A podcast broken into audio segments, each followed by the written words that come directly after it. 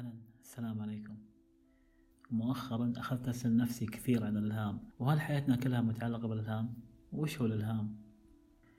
وإيش الإلهام في حياتنا اليومية؟ أو وش يغير الإلهام في حياتنا اليومية؟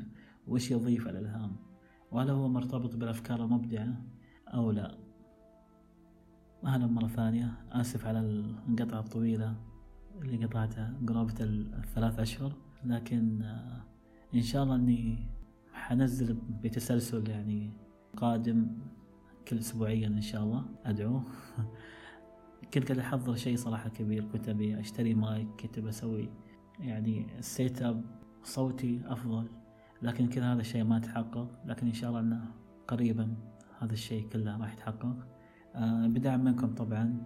أتمنى أن البودكاست هذا ينال على إعجابكم. طبعا البودكاست هذا مختلف عن جميع البودكاستات. ما حيكون في أي تكلف أبدا. راح أتكلم على طبيعتي جدا. ما راح أتكلم الفصحى راح أتكلم كأننا إحنا جالسين في غرفة واحدة يعني. أترككم مع الحلقة. مؤخرا أخذت أعصر مخي. متى راودتني الأفكار المبدعة. وطلعت بشيء وهو أن الإلهام هو الأفكار المبدعة المتراكمة. اللي اعتقدت أنها كذلك حل ما وصلت لها أو التي اعتقدت أنها كذلك. والغريب أن الإلهام أو الأفكار المبدعة ما تأتيك إلا في أماكن جدا غريبة أماكن ما نقدر نتكلم عنها أو نتطرق لها في هذا البودكاست. أنتم فاهمين ما أحتاج إني أوضح أكثر.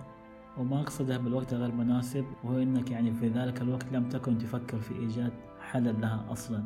ولذلك يعني يسمى إلهام ولا أشوف أن الإلهام يعني شيء خيالي أو خارق للطبيعة.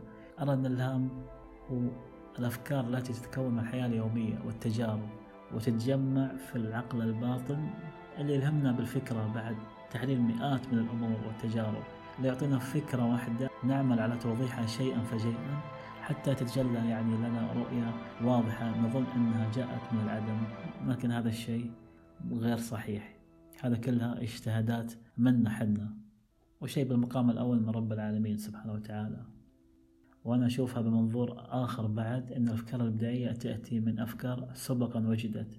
بالحالة هذه أنت تسوي لها صقل وتخلق منها فكرة ملهمة أو مبدعة أو إبداعية أكثر يعني.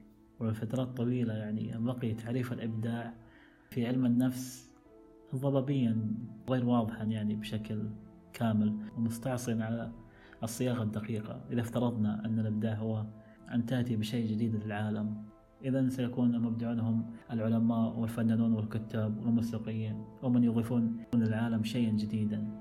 أو كما تعتقد يعني أنت. بس أنا أشوفه عكس كذلك. أشوف كل الناس مبدعين في الشيء اللي قاعدين يسوونه. وفي دراسة يعني سمعت عنها. لا تحضرني صراحة الجهة اللي عملت الدراسة. بس إنها تقول إن تناول الكافيين يعني يساعد الجزء الخاص بالتحليل في العملية الإبداعية. هذا الشيء بيحسن تفكيرنا وتركيزنا على العمل وحل المشكلات وتكوين الأفكار المبدعة. وخلينا نقول أن الوقت هنا عامل مهم وحاسم جدا. يعني ممكن تطويع على القهوة هنا لتعمل في صالح الإلهام عن طريق اختيار الوقت المناسب لتناولها كالصباح باكرا يعني. وقبل السماح لعقلك بالشرود بعيدا بحثا عن إجابة بعبارة أخرى يعني. مثل ما قلت تناول فنجان من القهوة أولا. ثم اذهب في نزهة أو استحم أو استرخي قليلا تفكر في الحل. غالبا راح تلقى حل يا صديقي مهما كان ومهما صار. وأخيرا أشوف أن الإلهام يأتي بتراكم الأفكار كمختصر لكلامي كله وبالتجارب وملاحظة الكثير من الأفكار في مجال معين يعني.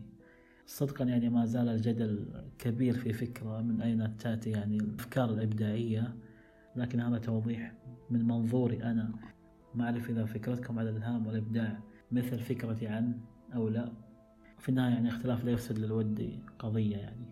إن شاء الله أنا قلت هذا صح ويكفي أن ننتظر الإلهام يأتينا لنخلق منه أفكارا مبدعة.